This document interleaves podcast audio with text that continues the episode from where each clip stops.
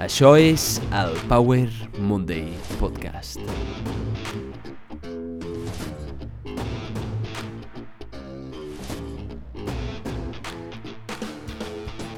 Benvinguts al Power Monday Podcast, sóc en Pau, el teu apassionat de fitness, motivació i ciència.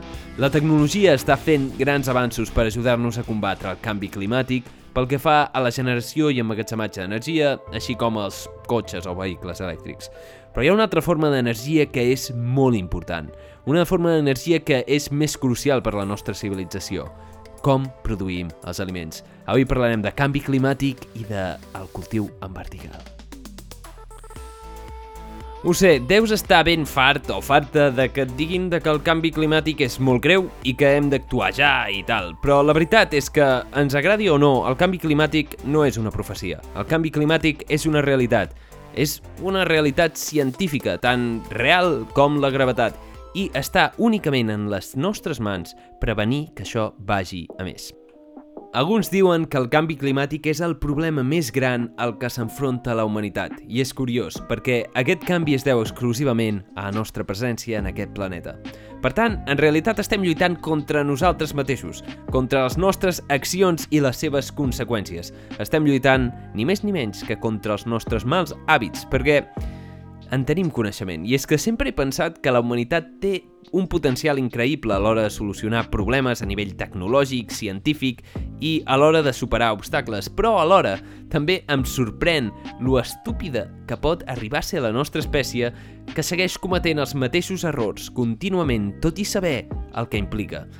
Seguim utilitzant els mateixos sistemes ineficients de producció de menjar, seguim utilitzant combustibles fòssils, tot i que podria haver una millor alternativa energètica, seguim utilitzant els mateixos principis que fa un temps, tot i que a nivell teòric sabem que podem molt més. Així que l'ésser humà s'està enfrontant al canvi climàtic, que si no l'aturem a temps és una amenaça urgent per la nostra salut, per aconseguir suficient menjar per tothom, la biodiversitat i la vida en general en aquest planeta, ja que això és un problema d'escala global, un problema que hem d'afrontar com a humanitat, i tots comptem, i l'acció de cadascú té lloc. Està literalment a les nostres mans salvar el planeta de nosaltres mateixos. Sí, perquè nosaltres som el nostre pitjor enemic. Tinc una pregunta per tu. Creus que podrem vèncer el canvi climàtic o serem la nostra pròpia perdició? Jo, almenys personalment, crec que realment podem aturar el canvi climàtic i que tenim moltes eines útils i tecnologia i cervells increïbles que dissenyen les eines més útils per vèncer el canvi climàtic. Però depèn de nosaltres, depèn de cada individu que apostem per aquestes iniciatives. Així que, quina és la teva opinió? Creus que podem vèncer el canvi climàtic o serem la nostra pròpia perdició? I en sintonia amb això, avui et presento el futur de l'agricultura, o potser no, el cultiu vertical. Amb una població mundial que s'espera que arribi als 9,7 mil milions d'habitants per al 2050 i que tindrà menys terres cultivables per produir aliments, necessitarem un 70% en l'augment de producció de menjar respecte a avui. A part d'això, cada vegada hi ha menys terra cultivable a causa del canvi climàtic i, per tant, és urgent replantejar-se el sistema de producció actual i buscar noves alternatives que no afectin tant el canvi climàtic i que ens permetin obtenir menjar de manera més eficient i a nivell global. Una de les alternatives que ens proposa la tecnologia és fer el salt a la tercera dimensió, és a dir, el cultiu vertical. Típicament, el cultiu es fa en camps, no? en camps horitzontals, però aquí ens perdem molta superfície cultivable, que és el cultiu en verticals, en forma de columna. Llavors, bàsicament, el que és el cultiu vertical són diferents tècniques utilitzades en l'agricultura, però amb entorn 100% controlat. Bàsicament, és agafar qualsevol espai, un hivernacle, un edifici o un edifici abandonat i controlar completament la temperatura, la humitat i la il·luminació i després utilitzar conjuntament tècniques d'aquapònics o d'aeropònics per aportar els nutrients. Per tant, creixem en una tercera dimensió i controlem totes les variables. Llavors, què és això dels aeropònics o els aquapònics? Bueno, és una tècnica que s'utilitza per aportar l'aigua.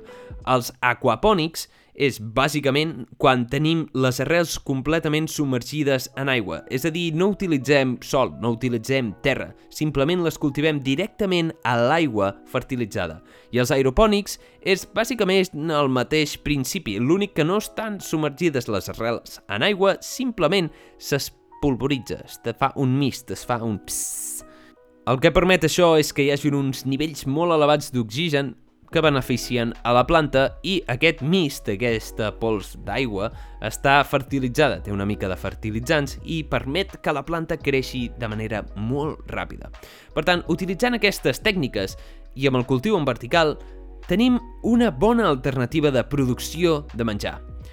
El cultiu en vertical presenta 5 avantatges increïbles que hem de tenir en compte.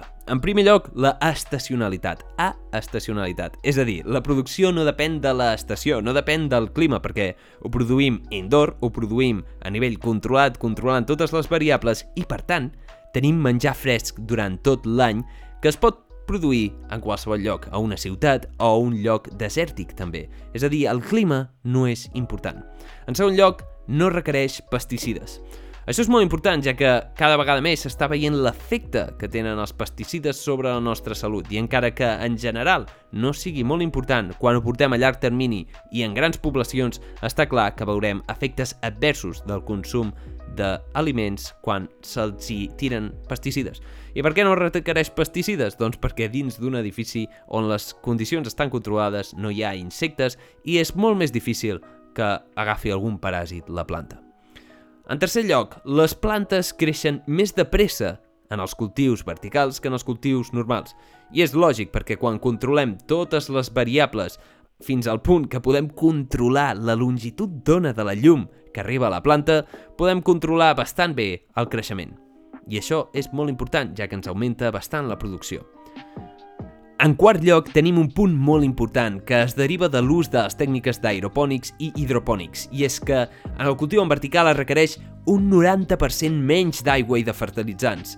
I sabem que ens estem acostant en una crisi d'aigua derivada del canvi climàtic. Per tant, aquests cultius que requereixen molt poca aigua, un 90% menys d'aigua, ja que la aigua que s'utilitza va recirculant en un sistema tancat, és a dir, en un closed loop, per tant no perdem aigua, i l'aigua que necessiten les plantes és molt poca. Per tant, aquest és un punt que hem de tenir en compte en el futur.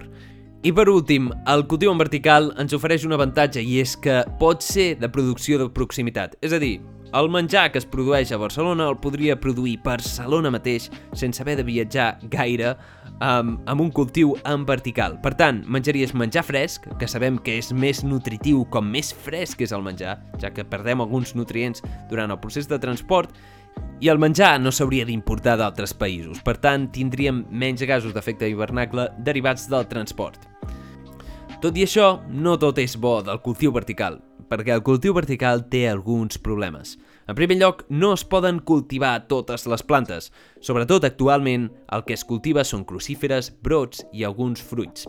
Els costos de producció són en realitat encara molt elevats a causa de que bàsicament utilitzem llum artificial tot el dia per alimentar l'energia a les plantes. Per tant, el cost de producció de les plantes depèn fonamentalment del que valgui l'energia. Si utilitzes aquest tipus de cultiu un lloc on l'energia és molt cara, et sortirà molt car. De moment, els costos de venda poden arribar a ser 10 vegades superiors als que es produeixen en un cultiu normal, un cultiu convencional en horitzontal.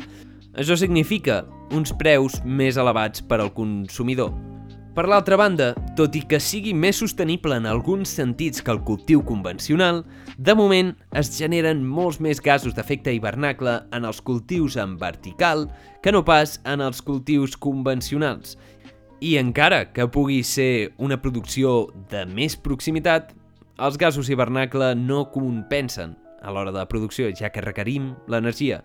Per tant, el cultiu en vertical serà sostenible en quant sostenible sigui l'energia que s'utilitza per produir-los, perquè al final perdem energia en el procés de producció de menjar.